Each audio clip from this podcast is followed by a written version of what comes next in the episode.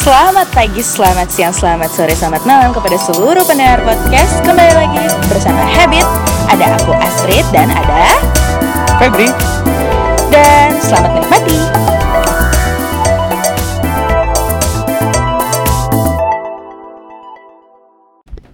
Oke action Habit Podcast.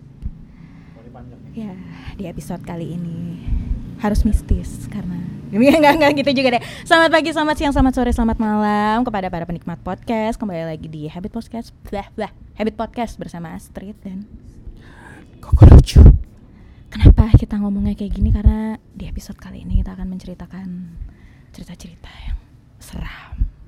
Yang bisa membuat mungkin kita masuk ke chart Spotify. Doa kita adalah semoga kita masuk ke chart Spotify. Amin Amin. Nggak, kenapa kita memilih tema ini karena kayaknya di beberapa podcast tuh orang eh, kalau eh, dengerin cerita horor tuh banyak yang dengerin Uh, gitu. uh.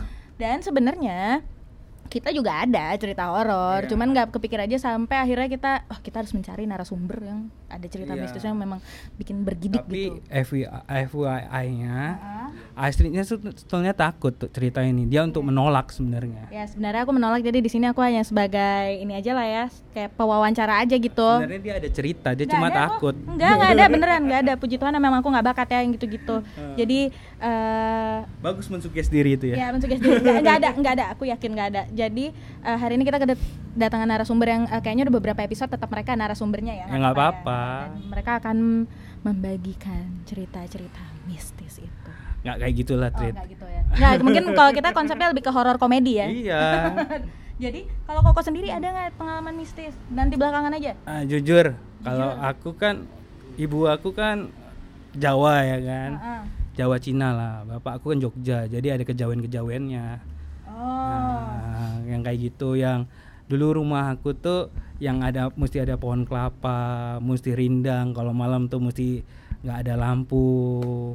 Ya kejawen kan rata-rata seperti itu. Jadi eh, habis itu setiap malam Jumat itu ada ritual apa gitu. Oh, masih yang kayak gitu. Ya dulu Jumun zaman sebelum ibu aku eh, apa umroh.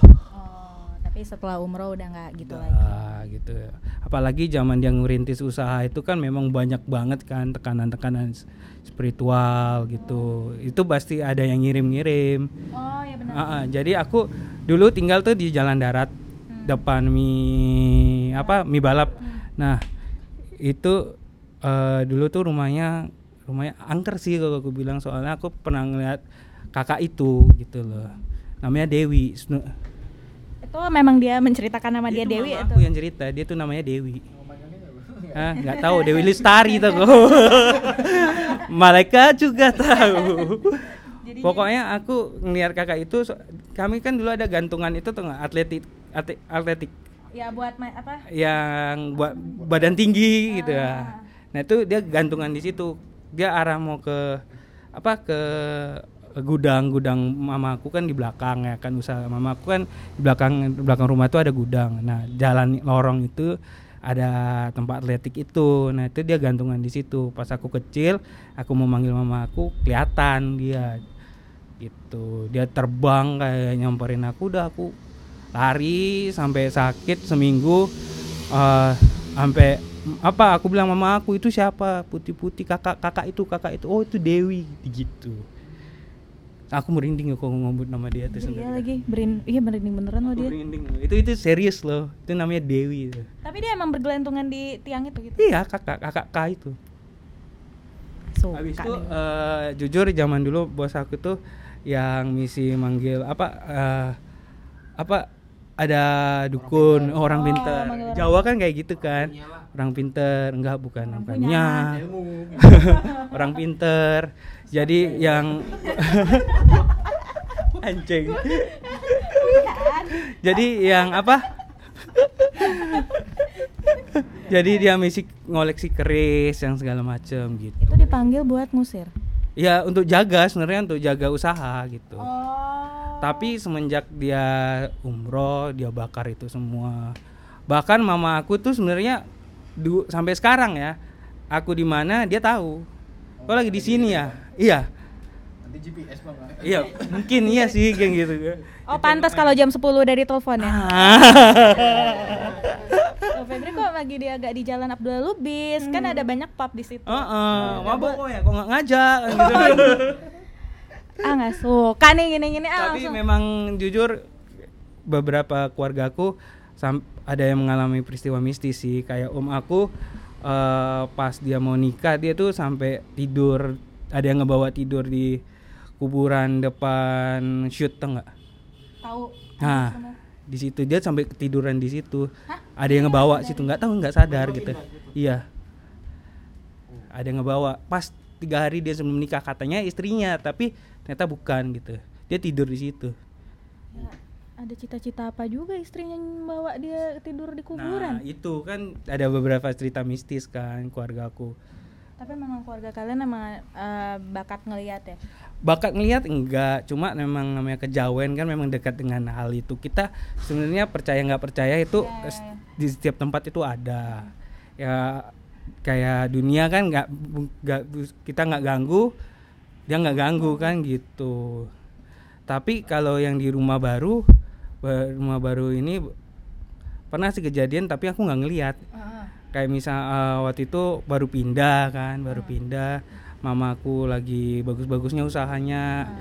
Kalian tau nggak stang stang motor, Iya. itu kan dikunci kunci stang. Ini benar kunci stang. Hmm. itu kayak nge tetak tetak gitu ngebalik sendiri. Habis itu eh, banyak laron. Oh, oh ya ya. ah ya, banyak ya. laron. begitu ditutup pintunya dibaca al-fatihah sama mamaku dibukanya lagi udah nggak ada lah mayat laronnya juga nggak ada itu cara itu mereka- kayak kiriman gitu tuh kan. Ya mungkin itu cara mereka welcome ah. to your new house lah. tapi aku mikir positifnya ya apa ya di jadi kita selalu sopan lah di semua tempat gitu Hah, eh, nggak suka. Merinding beneran loh dia nih. Ya. Ih, ih. aku serius kalau yang itu sih serius tuh band Jo Itu kalau dari Koko ya, kan kita ada narasumber nih. Nih ya Bisa sebut nama lah. nggak usah Oh, sebut, iya. nggak nggak sebut nama. Oh, iya. Justru kami panggil ke sini karena kami tahu sebenarnya kau punya banyak cerita. Selamat datang Bio. soalnya semua bridging dari kita beberapa kali konten ini ini bridgingnya kan Oh itu iya betul. Makanya Bio eh, ada nggak pengalaman mistis yang membuatmu bergidik yang eh, di share ke para penikmat? Kalau Jordan dulu gimana? Mungkin dia lebih sedikit ya. Ya. Nah, Jordan aja dulu. nih Bio nih Aku agak panjang soalnya. Oh Jordan ada. Coba aja, siapa tahu. Iya ya, ada ada dia nih. Takut takut ya, ini pegang sendiri. Nah, kalau aku kan kebetulan syukurnya nggak bisa melihat hal-hal mistis gitu kan dan untungnya sampai sekarang belum ada pengalaman gitu ya paling ketindihan aja sih Ketindihan. ya eh sering Heeh. Eh, ya mungkin dalam sebulan ada sekali lah begitu Suaramu udah goyang gitu. enggak ya? Iya. Itu aja. Detail? Detail maksudnya detail. Eh, Ketindihannya gimana? Jam tidur, ketindihan ya, bisa kapan aja sih. Dan itu ketindihannya sambil mimpi buruk juga. Tapi nggak tahu sih itu entah benar kejadian spiritual atau memang ilmiah ya iya. Kan ada ya sleep paralysis itu ya? iya. Ya, itu aja sih paling. Eh, ya semoga aja ke depannya enggak lah. Kita sangat menghindari yang seperti itu sebenarnya kalau aku sama Jordan tuh ada kisah yang sama Ada bio juga. ada Bio juga iya, mau iya. Oh, iya, iya. Dia jadi aku tahu ceritanya terus aku takut. Nah, jadi eh, buat para penikmat juga, jadi kan mereka nih satu band sebenarnya bertiga. Mereka ada satu kejadian yang tiga-tiganya itu ngelihat hal yang beda. Aku tahu karena dia ceritanya beda, ceritamu beda. Eh, Koko udah ngeliat nggak? aku hitam aja gitu semua Oh nggak ngeliat ya. Jadi mereka berdua ini ceritanya beda. Jadi bio aja deh dulu yang cerita Nggak, yang ini. kita sebutkan aja tempatnya di mana Iya, iya, iya. udah nggak apa-apa juga sih. Waktu itu kita main di ini building di apa? Sebut nama aja. Sebut aja. Oh ya, kita main adalah udah jangan lah bang ya. Sebuah gedung di Medan lah building, ya kan? Kita ngejob, terus mau pulang, kita tanya bisa turun dari lift belakang apa gitu ya? Iya. Nah, jadi kita turun dari lift yang deket dapur. Lift barang gitu. Iya, kayaknya lift bareng ya. bareng nih bareng Cuman biasanya kayaknya memang eh, oh, yang kerja di situ memang keluar dari situ ya bang ya? Iya. Yang kerja itu ya. itu jam berapa itu Ini kenapa mati Habi- lampu sih? Aduh, apa kan serem habis habis kerja jam se- setengah se- jam setengah sebelas jam sebelas lah ya terus kita turun eh, kit- awalnya udah aneh dari belum overload tapi pintu nggak mau ketutup. Iya. Nah, itu kalian berapa orang? Lupa lah berapa ya? Iya 5 sampai 6 orang. Aku, Joshua, Ega, Jordan, Bang Febri, Nelson. Bang Nelson nggak berlima berarti. Berlima. Nah iya. Oh, ganjil. Dan itu buk kayak kami rasa rasanya itu lift nggak terlalu kecil jadi kayaknya itu memang bu- bukan overload harusnya nggak overload tuh cuman di awal kita, di awal kita mau tutup eh, liftnya dia nggak mau nutup tapi akhirnya ketutup akhirnya kita turun kita pencet di lantai G Iya, dasar. Oke, kita pencet di lantai G. Ternyata liftnya berhenti di lantai sa- L apa satu? L apa satu gitu. Ah, liftnya berhenti di lantai satu. Intinya itu lantai yang bukan kita arah, eh, kita mau ke situ gitu. Liftnya kebuka dan ternyata itu kayak ruangan atau hall yang memang udah nggak lama nggak kepake. Jadi ada barang-barang kayu-kayu, pokoknya berantakan lah, gelap ya kayak gudang. Habis itu ini liftnya, liftnya. Ah. Nah, lagi-lagi gitu, waktu pintunya kebuka, kita mau tutup, mau turun, kita teriak semua, kaget kan bang? Karena di lantai yang nggak kita pencet gitu kan. Waktu kita mau tutup liftnya kan kita udah panik semua tuh, parno semua ya, teriak-teriak. Ada yang mau, kok Ega, kok Ega, kok Iya. turun, kok Ega?" Yang lebih parah ya, waktu mau kami kami pencet tombol close door itu nggak mau nutup, udah nggak mau nutup, sisi berapa menit tiba-tiba liftnya overload. Seakan ada yang masuk kan, Iya. ada ber tiba-tiba overload. Tadi di atas nggak overload, ini tiba-tiba ada overload. Jadi eh aku guyon-guyon lah. Coba turun aja satu. Aku dorong-dorong Ega waktu itu. Ega turun lah, Ega turun. Ega, Iya. turun, ya. Ega turun lah biar bisa nutup gitu kan. Seakan Ega tumbal ya gitu kan. Nah, di situ aku nggak tahu apa yang orang ini lihat, tapi aku ngelihat aduh. Aku ngelihat Ah, nggak mau. Aku dia belum cerita nih dia lihat apa. Nggak apa-apa, biar seru. ini Bang ya, aku ngelihat ibu-ibu nyapu. Tapi nggak ngebelakangi kita dan itu jauh di gelap-gelap itu. Nyapu pakai sapu lidi coba di dalam di dalam gedung. di dalam gedung pakai sapu lidi. Kok aku- Awalnya aku mau berusaha mau, oh ini Ah. pegawai sini, tapi kurasa sangat tidak mungkin karena itu gelap. Iya. dan Ngapain nyapu pakai jam sap segitu. nyapu ngapain jam segitu pakai sapu lidi lagi ngapain gitu Kalau aku yang nggak mau ngomong aku nggak berani ngomong di situ Kalau aku kan memang kepecah konsen karena mau mau aku kan kepen, iya aku kepecah konsen karena mau nunjang Ega. Kau keluar, kau keluar, kau keluar, kau. Gara-gara kau ini, gara-gara kau ini kan gitu. Aku pecah konsen tapi aku tengoknya gelap gitu. Oh, gelap, nggak lihat apa-apa. Jordan ada ngeliat Iya. Ada dia. Aku lihat eh, yang be- yang beda gitu. Aku melihat itu suasananya kayak rumah sakit, tapi gelap mati lampu gitu kan. Itu kayak bangsal gitu lah. Aku lihat ada jelas itu ada tiang infus gitu. Heeh. ya itulah Padahal jadi itu, itu gedung acara ya. iya Itu kantor bahkan lantai Iya. satunya sebenarnya. Kantor salah satu provider kalau nggak salah. Nah, Iya, cuman pindah. Mereka pindah gedung, tapi ya bekas kantor provider itu lantai itu. kosong. Tapi Jadi itu- kena nggak nggak ada rumah sakit rumah sakitnya sama sekali sih. bener kayak gudang tapi kita lihat ya Iya. ya akhirnya eh, nggak tahu gimana ketutup ya udah kita turun Tapi Terus- akhirnya nutup. akhirnya sendiri. nutup nutup Tapi setelah beberapa menit ya. iya tiba-tiba eh, apa tanda overloadnya hilang baru nutup Tapi kok di situ waktu kau lihat itu, kok kayak mana? Apakah aku ada ngomong aku nggak mau nggak mau ngomong apa-apa nggak mau ngomong apa-apa Oh. aku takut salah lihat apalagi bikin orang tambah takut Panik kan kan, iya juga sih. gitu sih ya udah akhirnya kita turun Dan kami gibah di bawah. ya akhirnya kita Ber- berusaha inilah ya menghibur Iya, diri menghibur sendiri lah ya. Iya iya gitu. iya iya. Wah, apa itu tadi? Wah, ini gara-gara Ega nih, Iya. gini-gini nih gitu. Ini kok ceritanya masih gemetaran? Iya, iya. Itu itu itu Makanya aku nggak ter- suka nih kalau misalnya habis nonton sama dia gitu kan di parkiran, habis nonton sama Jordan tuh dia suka karena karena dia ngelihatnya langsung beda banget kayak gitu, aku juga suka takut makanya. kayak Ah, ya kayak gitu kita kayak menghibur diri gitu tuh kayak nggak ada itu nggak ada itu padahal dalam hati itu kayak ih itu kayak jelas banget gitu loh Iya. hitam gitu ya memang syukurnya aku Dan nggak itu pernah kan berada di gedung itu kan. sampai malam sih. nggak eh, awalnya nggak overload tiba-tiba overload apanya nih nah, itu kan gitu. ganjil sih kayak. Ah, ah. Ya itulah.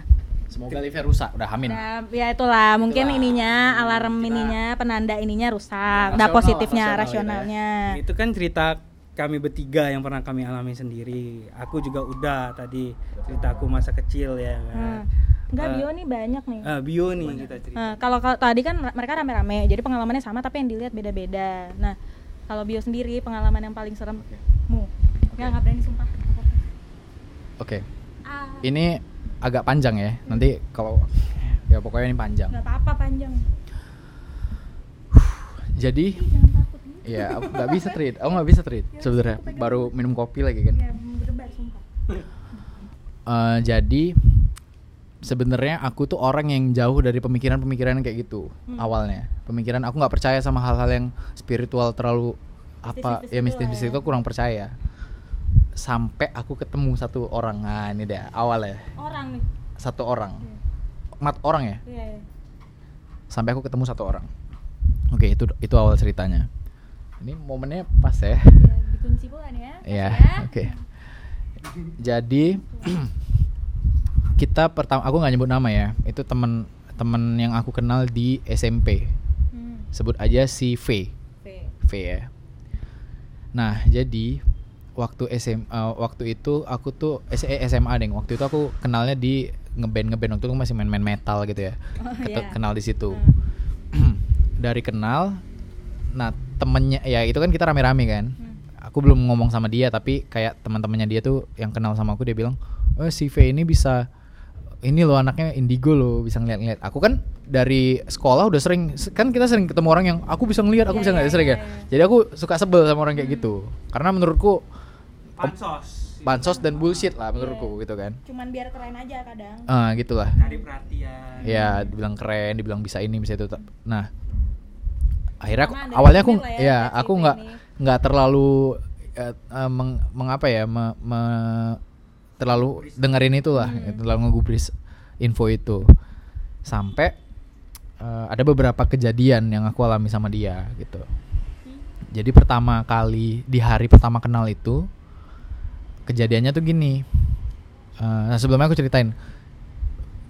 Si V ini agak beda dengan teman-teman Indigo yang aku tahu lainnya. Karena cara dia menyampaikan tuh nggak nggak usual dari teman-teman Indigo itu. Biasa kan mereka aku pernah ngelihat aku bisa ngelihat ini ini. Dia nggak gitu.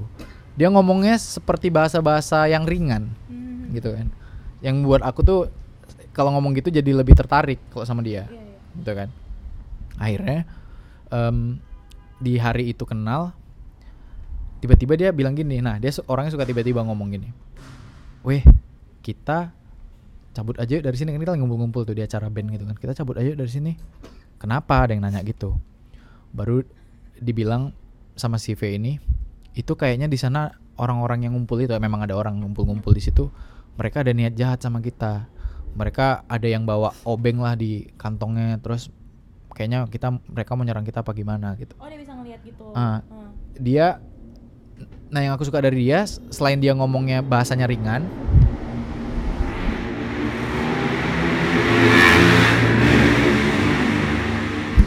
oke nanti dikat selain bahasanya ringan dia random jadi kayak tiba-tiba ngomong ini kan itu hal yang kita kita sangka kan nggak ah. kepikiran kan terus dia ngomong nyampein ke kita yuk kita cabut gini gini gini gini gini gini akhirnya walaupun itu nggak benar terjadi kayak gitu cuman kami ngikutin lah apa kata dia Iya, mencegah juga. Ah, sih. mencegah gitu kan baru iseng-iseng aku jadi agak penasaran tuh sama dia di situ terus aku ya biasa kalau orang kita kita kita ini ketemu orang kayak gitu kan kita langsung eh kok bisa ngeliat apa kok bisa Iya, ngeliat iya, apa iya. gitu kan nah nengok kan nomor togel gitu. enggak. beda umur memang beda umur ya jadi eh di em, dia yang aku notice pertama kali aku kenal dia aku ngomong sama dia itu dia nggak mau ngeliat mukaku waktu ngomong. Bohong. dia nggak mau ngeliat. Dia selalu matanya diturunkin dia atau dia ngeliat yang lain tapi dia ngomong sama aku. Gitu dia intinya dia nggak mau ngeliat mukaku. Mungkin itu memang cara dia kalau ngeliat orang gitu ya ketemu orang mungkin kayak gitu aku kira gitu. Hmm. ya udah akhirnya aku tanya. Ya, kok bisa ngeliat apa? Ya biasa lah gitu gitu gitu dia ceritain gitu kan sampai dia bilang gini orang yang nanya sebenarnya kok ken- orang yang orang notice juga kalau dia nggak mau ngeliat mukaku. Jadi sampai orang bilang kok kok nggak mau ngomong nggak mau ngeliat muka si kawan ini ya muka si bio? Baru dia bilang gini gini boy waktu dia manggilnya boy gitu kan. Gini boy di muka kau itu kayak ada benda aku nggak tahu apa kata dia. Lagi Benda? iya lagi-lagi dia ceritanya bahasa ringan dia kayak ada benda jadi bendanya itu dia nun- dia tunjukin di muka dia tapi meraktekin itu aku gitu kan. Bendanya itu ada di di jidatmu tengah jidat itu di hidung sama di dada katanya. Dia bilang gitu. Nah kenapa aku nggak ngeliat kau katanya? Kalau aku nggak nggak salah ya kalau nggak lupa dia bilang. Jadi muka kau tuh terang kali kayaknya. Dia bilang gitu. Iya, jadi sampai aku nggak bisa ngelihat kata dia gitu waktu itu. Oh oke. Nah, satu yang harus dicatat. Aku tuh waktu itu orang yang satu nggak percaya hal-hal kayak gitu, apalagi yang berkaitan langsung dengan aku. Aku benci, kayak langsung denial gitu lah ya. Ah nggak ada itu semua, aku nggak pernah gitu-gitu kok gitu kan, denial. Oke. Akhirnya pertemuan hari itu udah berakhir, kita gini. Cuman aku jadi sering main sama dia tuh, gara-gara kenalan waktu itu kan. Nah, Penasaran lah. Iya penasaran dan kebetulan memang circle-nya di situ bang waktu itu kayak udah teman-teman baru nih gitu kan jadi setiap ketemu dia aku jadi kayak ngomong-ngomong yang gitu-gitu. Sampai aku pernah nanya detail. Fik apa yang oh ya Vi ya. Vi apa apa yang kau lihat kemarin sebetulnya di aku? Dia bilang gini aku nggak tahu itu benda apa yuk cuman kayaknya katanya itu ngebikin orang kalau udah ngelihat kau sekali dia pengen ngelihat kau lagi dua kali dia bilang gitu. Ah, iya kayak gitu. Aku selalu walaupun aku iyain itu tapi aku menolak dalam hati kayak aku nggak pernah gitu-gitu gitu kan. Cuman dia bilang gitu. Dia pengen ngeliat kau dua kali. Jadi kalau orang tuh itulah kekuatannya kira-kira gitu dia bilang. Ah oke. Sampai aku jadi lebih deket sama dia. Nah dia cerita gini. Eh aku sering main ke rumahnya waktu itu. Kan tempat karena kebetulan rumah dia base camp. Aku sering nanya-nanya kok kayak gini udah sejak kapan? Gitu ya. Eh aku dulu SD katanya. Hampir di DO gara-gara dikira aku anak autis. Sampai aku dikasih tahu mamaku bahwa yang aku bicara itu bukan manusia. Ngerti kan? Jadi dia main-main ngeng ngeng, main mobil-mobilan lari-larian tuh bukan sama manusia. Orang ngi- gurunya ngira dia tuh ada kurangnya keterbelakangan gitu kan. Menurut, eh, berarti dalam pikiran dia itu teman imajinasi gitu lah Iya. ya.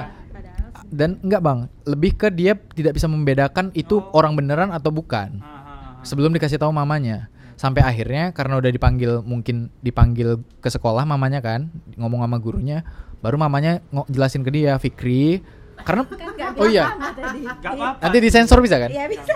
ku editin lah ku editin karena ini salah gue kan nak katanya kan nak eh, karena kebetulan ternyata eh, kekuatan itu nurun temurun bang. Dari mamanya ini. Jadi mamanya bisa jelasin ke dia. Nak yang ini bukan manusia yang ini manusia. Jadi kalau kamu ngomong sama ini orang nggak ngeliat itu gitu. Berarti mamanya baik. Kalau mama oh, kan eh bang sabar. usil ya Iya. kan. Sabar, sabar. Ini siapa? Disebutkan pula namanya. makin takut orang ya kan?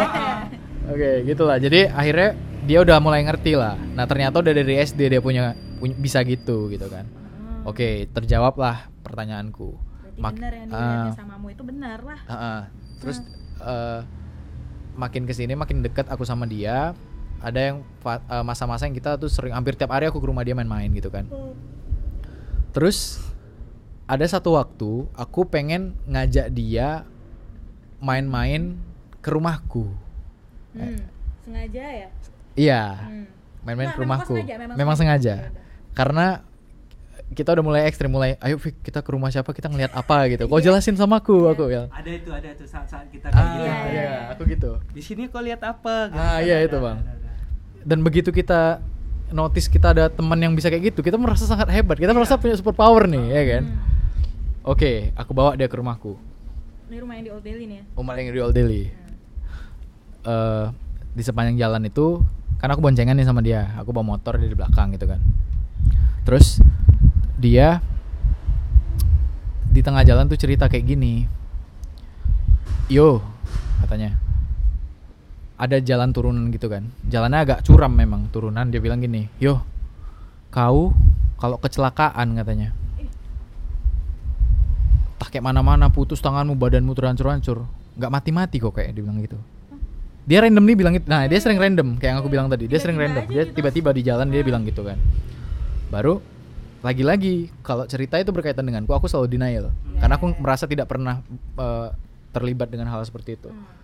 Oke tapi aku simpan aja informasi itu terus jalan lagi kan. Ada di tengah jembatan. Jordan tahu jalan jembatan itu? Yang agak gelap kalau malam nggak ada lampu jalan di situ.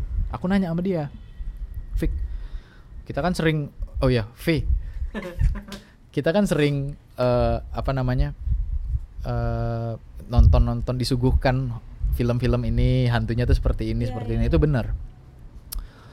Namanya ada benar cuman yang terlihat tidak seperti itu yo. Nggak seperti kayak di TV itu di di diserem-seremin.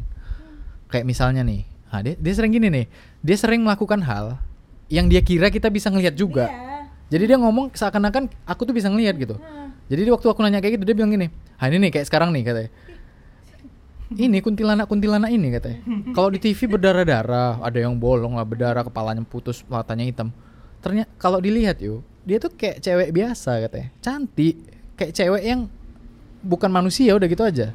Tapi bukan yang hancur gitu ada sih yang hancur. Cuman kuntilanak tuh bukan kayak gitu yang aku lihat ya katanya. Gitu dia bilang. Nah yang aku suka dari si temen si kawan ini setiap kali dia cerita kayak gitu dia selalu sering bilang kayak gini yo tapi kau jangan terlalu percaya sama aku karena kau bisa sesat. Aku cuman cerita apa yang kulihat aja tapi jangan terlalu percayai. Beda sama teman-teman Indigo yang, yang lain yang dia selalu meyakinkan orang aku ngeliat ini aku ngeliat ini gitu. seakan-akan dia yang paling tahu gitu kan. Nah jadi aku mas makin tertarik lah sama dia gitu. Sampailah di rumahku. Nah ini nih. Aku jelasin dulu latar rumahku ya. Rumahku tuh depan masjid seberang masjid gitu kan. Sama berarti kayak rumahku ya. ah ya seberang masjid? Belum belum pernah Rum- rumahku kan depan juga Enggak, tapi maksudnya belum pernah ke rumah kan baru dibilang di Astrid pernah ya sekali ya Iya. Iya. Terus terus. Jadi, nah, aku jelasin lagi. Si anak ini selain random, selain bahasanya ringan, dia itu sering tiba-tiba eh, apa ya berinteraksi yang yang tiba-tiba gitu, nggak ada direncanain kayak coba aku ngomong dulu ya gitu, nggak. Dia sering berinteraksi tiba-tiba, yang masih ada ke bawah-bawah, dia ngerasa itu dunianya dia gitu.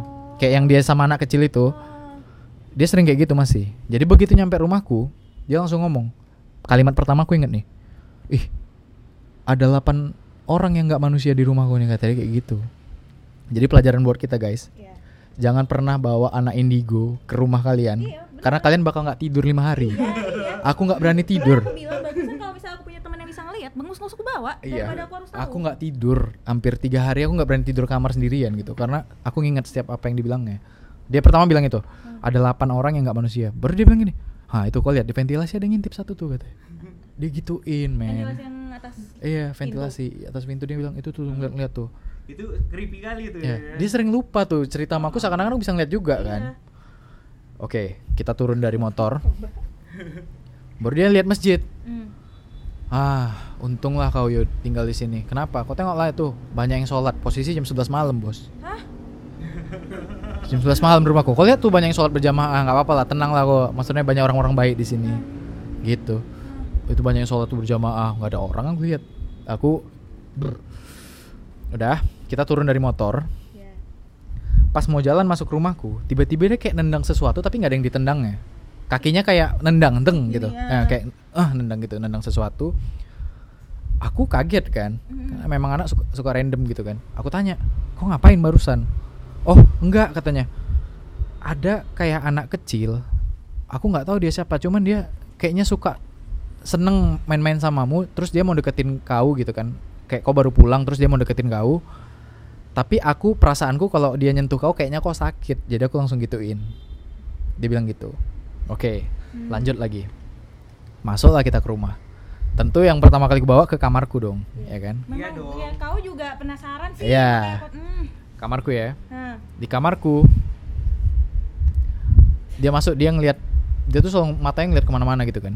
Dia bilang, "Yuh, uh, ada nih satu katanya. Tapi kau nggak usah takut lah. Cuman orang nggak takut ya kan? di atas lemari kau itu memang nggak selalu di situ dia cuman dia sering duduk di situ kayak kayak dia tempat duduknya itu di situ di atas lemari bajumu itu. Ada satu cewek katanya. Eh, dia nggak ganggu lah nggak jahat cuman dia suka liatin kalau kau tidur gitu gitulah nah tapi katanya mukanya kayak temon katanya. Temon pelawak itu.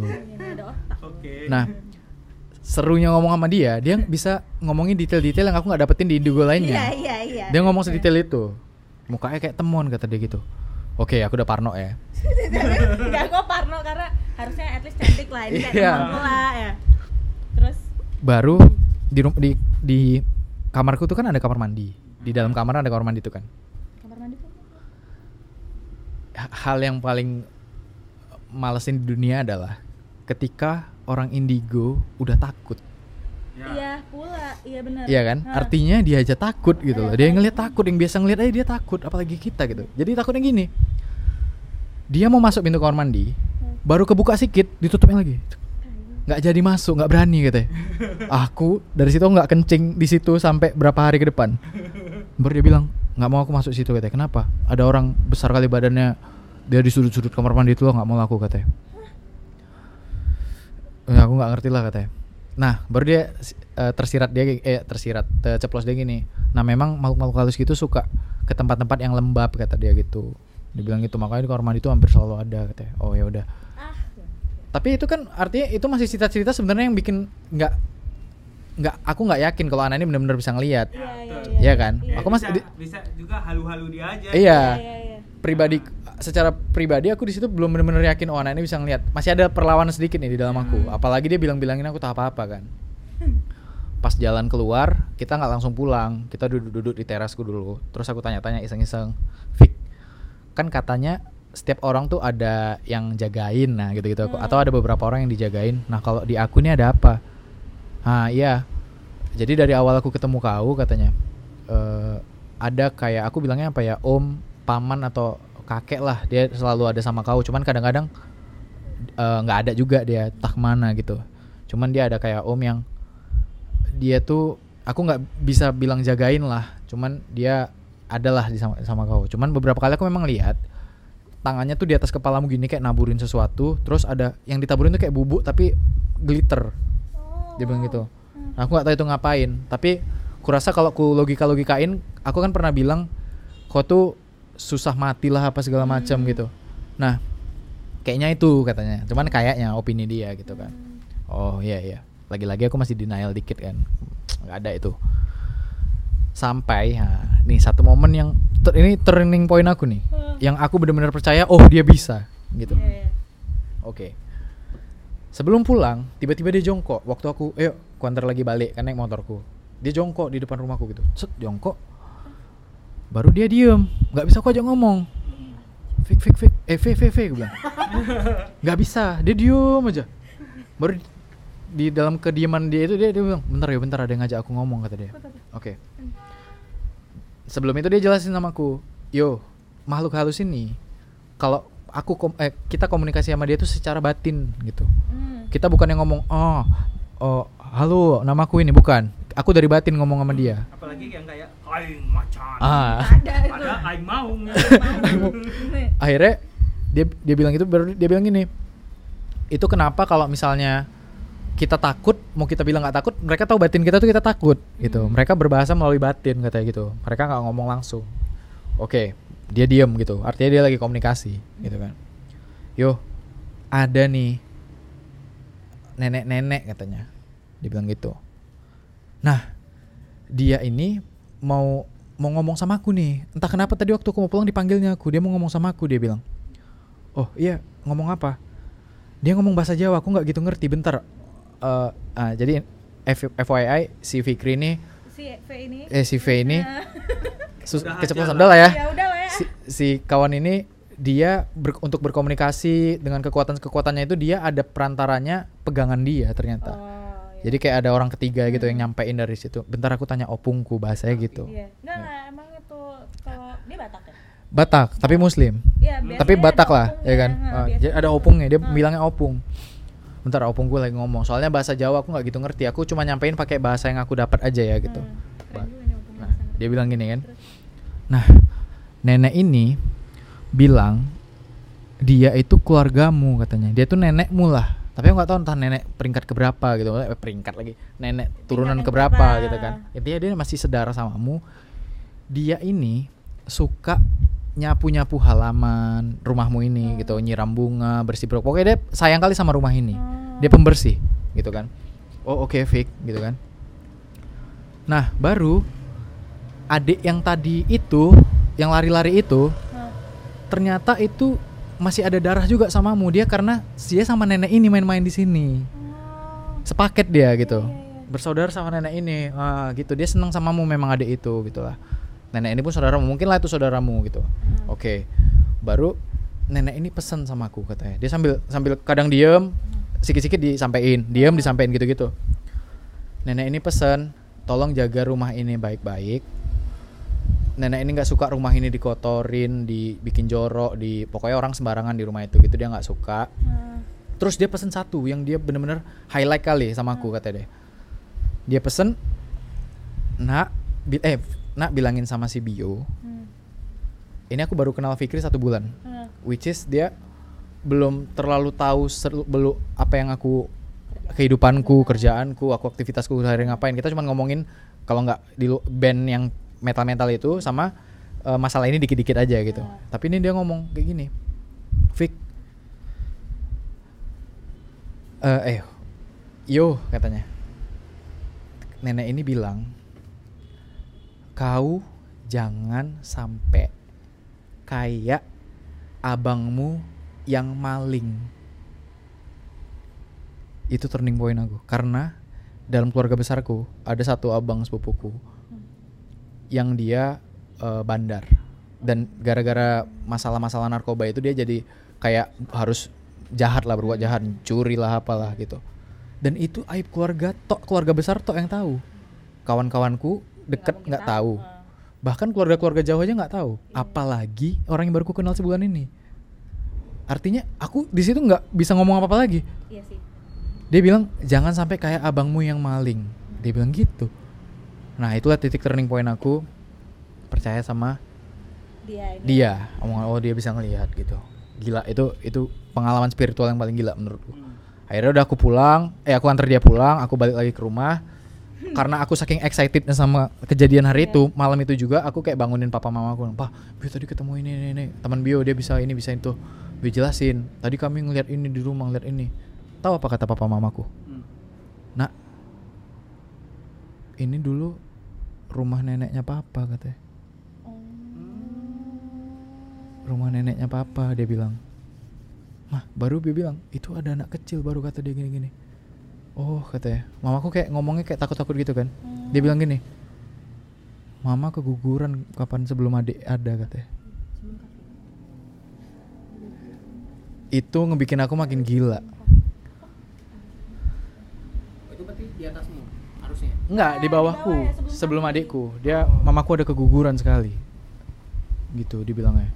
Dan itu rumah nenek nenek papaku yang dibeli papaku. Lah. Itu aku nggak bisa berkata-kata lagi, men. Dari situ aku percaya oh ada beberapa indigo dan beberapa hari ke depan setelah itu aku ke sekolah Hmm. Ketemu sama kawanku yang indigo juga aku karena aku udah per- agak percaya sama indigo aku tanya-tanya sama dia Jan gini aku kemarin dilihat. Ya dia dia cuma nambah-nambahin aja kak. Di badan gua ini memang ada sesuatu dia bilang gitu. Baru dia bilang gini eh ya so- sorry Fikri waktu ngomongin kuntilanak tuh bilang ah kuntilanak kuntilanak ini karena benda yang ada di kau itu dia nengokin kau terus yo. Sampai kau jauh. Dia noleh aja gitu. Nah si baru si Indigo kawan sekolah itu dia bilang gini, yo ada lah yang mau kenal sama kau. Ah siapa? Aku bilang ada nih anak. Dia sering ke sanggar pramuka katanya. Oh siapa? Orang Belanda tapi. Hmm. Artinya garis merah yang garis merah yang aku tarik ternyata memang ada mereka memang melihat gitu. Nah tunggu guys, ini belum cerit belum Klimaksnya. klimaksnya soal Fikri. Tapi udah lumayan klimaks ya. Iya, udah. Artinya di sini kita udah tahu bahwa ada juga indigo-indigo nih gitu. Oke. Akhirnya beberapa hari ke depan lagi kami kenal sama eh, di circle kami itu ada juga satu orang yang ayo lah ke rumahku yuk gini gini gini gini. Oke, kami bertiga. Gitu. Ah. Padahal penakut, Bang. Heeh. Kami bertiga ke rumah dia nih. Si A namanya. Jadi ya biasa lah kayak ngeliat-ngeliat oh ini ada ini di sini tuh nggak usah kesebut lagi lah ini ada ini. Yang aku highlight cuman hal-hal yang menurutku hebat aja cara ngeliat dia gitu. Kayak dia masuk ke ruang ini dia ngeliat foto keluarga gitu kan baru dia tiba-tiba nanya gitu Fik ini eh ah ini siapa gitu si ini siapa? Ini pamanku. Oh pamanmu. Ya udah nanti aku cerita katanya. Terus kami jalan ke dapur dia kayak bilang dia nggak ada ngelihat atas bawah nggak ada ngelihat ke atas gini gini dia cuma ngeliat depan yang ada di depan dia aja. Baru tiba-tiba gini ah bilang sama papamu itu di ruang tengah itu ada asbes yang terbuka itu ditutup aja katanya. Dia bisa gitu. Ada asbes yang kebuka dia tutup aja karena ada orang di sekitar komplek ini yang mau jahat kayaknya mau maling rumah kau aku nggak tahu ya. Cuman dia mau lewat dari situ.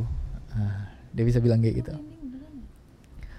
Oke sampailah kami ke belakang kayak ada halaman belakang rumah gitu kan yang itu di akhirnya dipagar terus di balik pagar itu nggak langsung rumah rumah ada rumah lagi cuman agak jauh itu kayak ada taman pohon-pohon tinggi kayak gini lah pohon-pohon tinggi gitu kan. Intinya kita di halaman belakang itu Eh, di halaman belakang itu ada kamar kakaknya yang ada jendela kamar kakak yang langsung kelihatan. Baru dia bilang ah kakakmu sering nggak ngalamin apa ngalamin apa gitu? Oh iya Vi eh Vi sampai si A ini lupa bahwa kakaknya sering ngalamin. Akhirnya ceritain dia kakakku tuh sering malam-malam jendelanya tuh diketok-ketok gitu tapi nggak ada orang. Oh iya itu yang mau aku bilang tadi makanya aku nanya dulu kenapa di bawah jendela kamar kakakmu itu ada yang dikubur di situ cewek matinya umuran kakakmu. Jadi dia merasa ada temen. Mau ngobrol mau curhat Ah, ya, dia merasa- gitu lah ya kan. dia dia kedor-kedor mau ngajak main sebenarnya. Jadi bilang sama kakakmu jangan takut. Anggap aja itu orang yang butuh temen gitu. Dia merasa ada temennya gitu Nah, gitu. tuh. ya itu kan. Oke. Baru si A cerita lah. Jadi gini V sebenarnya aku ngajak ke sini juga karena keluarga aku pernah ngalamin masalah yang spiritual. Kemarin mamaku tiba-tiba sakit nggak jelas sakitnya aneh gitu-gitu kan. Udah pernah manggil orang pinter kata orang pinter ini dikirimin apa gitu orang ini nggak suka sama mamanya gitu kan. Ntar aku coba aku tanya orang dulu ya dia diem kan. Oh coba mana foto mama? Melintasi tunjuk foto mamanya. Eh, jadi dia bilang oh kalau dari informasi yang aku dapat katanya orangnya nggak jauh-jauh dari lingkungan mamamu lingkungan tempat tinggal apa lingkungan kerja intinya dia sirik masalah kerjaan sama mamamu gitu. Gitu. Tapi nggak tahu kenapa kayaknya ini aku bisa komunikasi sama makhluk yang dikirim ke mamanya. Gitu. Akhirnya bentar ya katanya. Kita diem kita diem kan. Nah ini ini yang faktanya si kawan ini si V ini. Dia suka lupa kan kalau kita nggak bisa ngeliat. Terus dia bilang gini ah nih datang dia datang dia dia bilang. Datang dia nih datang dia nih dia bilang gitu. Dan itu aku asli ya mata kepalaku sendiri nggak ada angin nggak ada hujan. Aku ngelihat ke pohon-pohon itu bergoyangan pohon itu semua. Sruk sruk sruk gitu daun-daunnya. Bergoyangan semua. Ah itu dia itu dia tuh itu dia tuh. Mata dia ke situ. Bentar aku ngomong sama dia. Iya dia nih dia dikirim. Aku nggak bisa bilang bentuknya kayak apa sama kalian tapi dia nih makhluk lah bentuknya tuh nggak bisa jelasin. Dia terbang-terbang. Ah marah dia nih. Dia bilang gitu. Marah dia nih marah dia nggak suka. Ngomong sama aku nih dia marah-marah gitu. Kami takut lah kan. Aku Itu kayak gemeteran. gitu iya. jadinya kan. aku diam aja bang di situ bang. Diam aja sama kawanku ini udah kami udah keringetan gitu kan. Ngeliat dia di situ komunikasi agak ke sana dia deket pagar batas itu. Ke pohon-pohon tadi kan. Baru marah dia marah dia. Nah ini dia. Ini klimaksnya. Tiba-tiba tercampak si V ini. Tadinya lagi ngomong sama kami tercampak ke dinding. Des. ditendang gitu. kayak ditendang, kayak didorong, tercampak tapi misalnya di badan dia, dia tercampak bukan ke belakang, ke samping sana. Jadi di sana tuh ada dinding, dia kecampak, dek nabrak dinding, udah jatuh, dia bangun pelan-pelan, dipegangnya dinding itu tangannya gemeteran hebat, tangannya megang dinding gemeteran hebat gini, gemeteran gini, udah gemeteran, bukan itu klimaksnya lagi-lagi, tiba-tiba di rumah yang baru dia datangi satu hari ini ada se- sebongkah barang yang bertumpuk kayak gudang. Kan di rumah halaman belakang ini kayak gudang juga. Ada barang-barang ember besera apa segala tumpuan barang ada ember nut eh, ada ember ember kayak ember bekas cat. Di dalam itu ada banyak barang. Ada mangkok nggak pakai ada kuali nggak dipakai wajan nggak dipakai. Tiba-tiba dia jalan ke situ dia bongkar-bongkar barang itu dia dapat batok kelapa di dalam itu kecil. Itu depan mataku weh. Dia dapat batok kelapa langsung ditutupnya batok kelapa ini ke tanah. Pem. Udah tutupnya agak lama dia diem. Batok kelapa itu dipecahin dia dibuang dia ke halaman belakang. Oke. Di, teng- eh, di di suasana yang itu kami shock kan? Kami coba aja ngomong dia apa yang barusan itu? Aku bilang. Hmm. hah? Apa emang? Kok tadi tercampak gini kok gini kok nggak bisa kami ajak ngomong? Kami khawatir kan dia kenapa kenapa Ah. V V V bilang gitu waktu dia gemeteran itu. Hah? Nggak tahu aku kata dia dia bilang dia nggak tahu. Oh mungkin itu opung aku katanya. Mau gue dia. ya mungkin itu opung aku katanya. Aku nggak sadar apa apa aku nggak tahu harus bilang apa. Sampai aku cuman yang keingetku kenapa dia bisa ngambil batok kelapa itu? Gitu. Aku bilang kok gila itu kok tahu dari mana itu ada batok kelapa di dalam tumpukan barang? Gitu. Kenapa aku baru sekali ini kok tahu hal sekecil itu ada di situ? Sedangkan dia aja yang punya rumah nggak tahu. iya. Ya iya kan? lah. ya kan? Batok kelapa gitu loh. Baru aku bilang iya yo makasih kali. Tadi om kau yang ngasih tahu katanya. Apalagi ada omnya. omnya Bio yang ngasih tahu gitu. Tadi om kau tiba kayak tadi opungku minta tolong minta bantuan. Om kau datang om kau nunjuk suruh ambil batok kelapa di situ katanya. Itu yang kulakukan katanya. Hah, dari situ aku oke anak ini beda. Gitu. Terbaik. Iya. Baru aku ya itu cerita besarnya ya. Cerita kecilnya kayak dia sering bilang, "Yo, kok sering main drum malam ya?" Malah nggak pernah cerita. Kok sering main drum jam segini jam segini ya? Iya, kenapa? Nah, adik itu sering ngeliatin kau dia seneng ngeliat kau main drum. Suara simbal tuh dia seneng kata. Tapi Aku nggak mau main drum lagi, men. Tiga hari lagi nggak mau main drum aku. Bentar, bentar. Kita kita apa dulu ya? Apa? Aku potong sedikit ya. Iya, Masalah iya. main drum malam ya. Iya. Nah, jadi kan di rumah aku yang saya sahani nih. Kan kalian kan tahu rumahku yang di belakang Iya. ya. Dulu kan rumahku di depan tuh yang Kasima. Di atasnya kan ada loteng. Iya. Dulu tuh studio, studio band Oke. ya kan. Jadi zaman aku main di pub sering ngulik tuh pemain keyboard aku sama aku aku kan anak baru kan Iya. sering ngulik juga malam-malam tuh kami sering buka kan nggak ada peredam kedengeran lah di mana-mana tiba-tiba tau kok ada yang bilang "Sst, sst." kami cari nggak ada makin lama makin keras nah "Sst, sst." kabur lah itu kan kimbe kali itu itu ih kong. Ya. Ta- Tapi gini bang, aku ini cerita pengalaman spiritual yang lainnya ya di luar Iya, iya. cerita si V ini. Aku ada beberapa.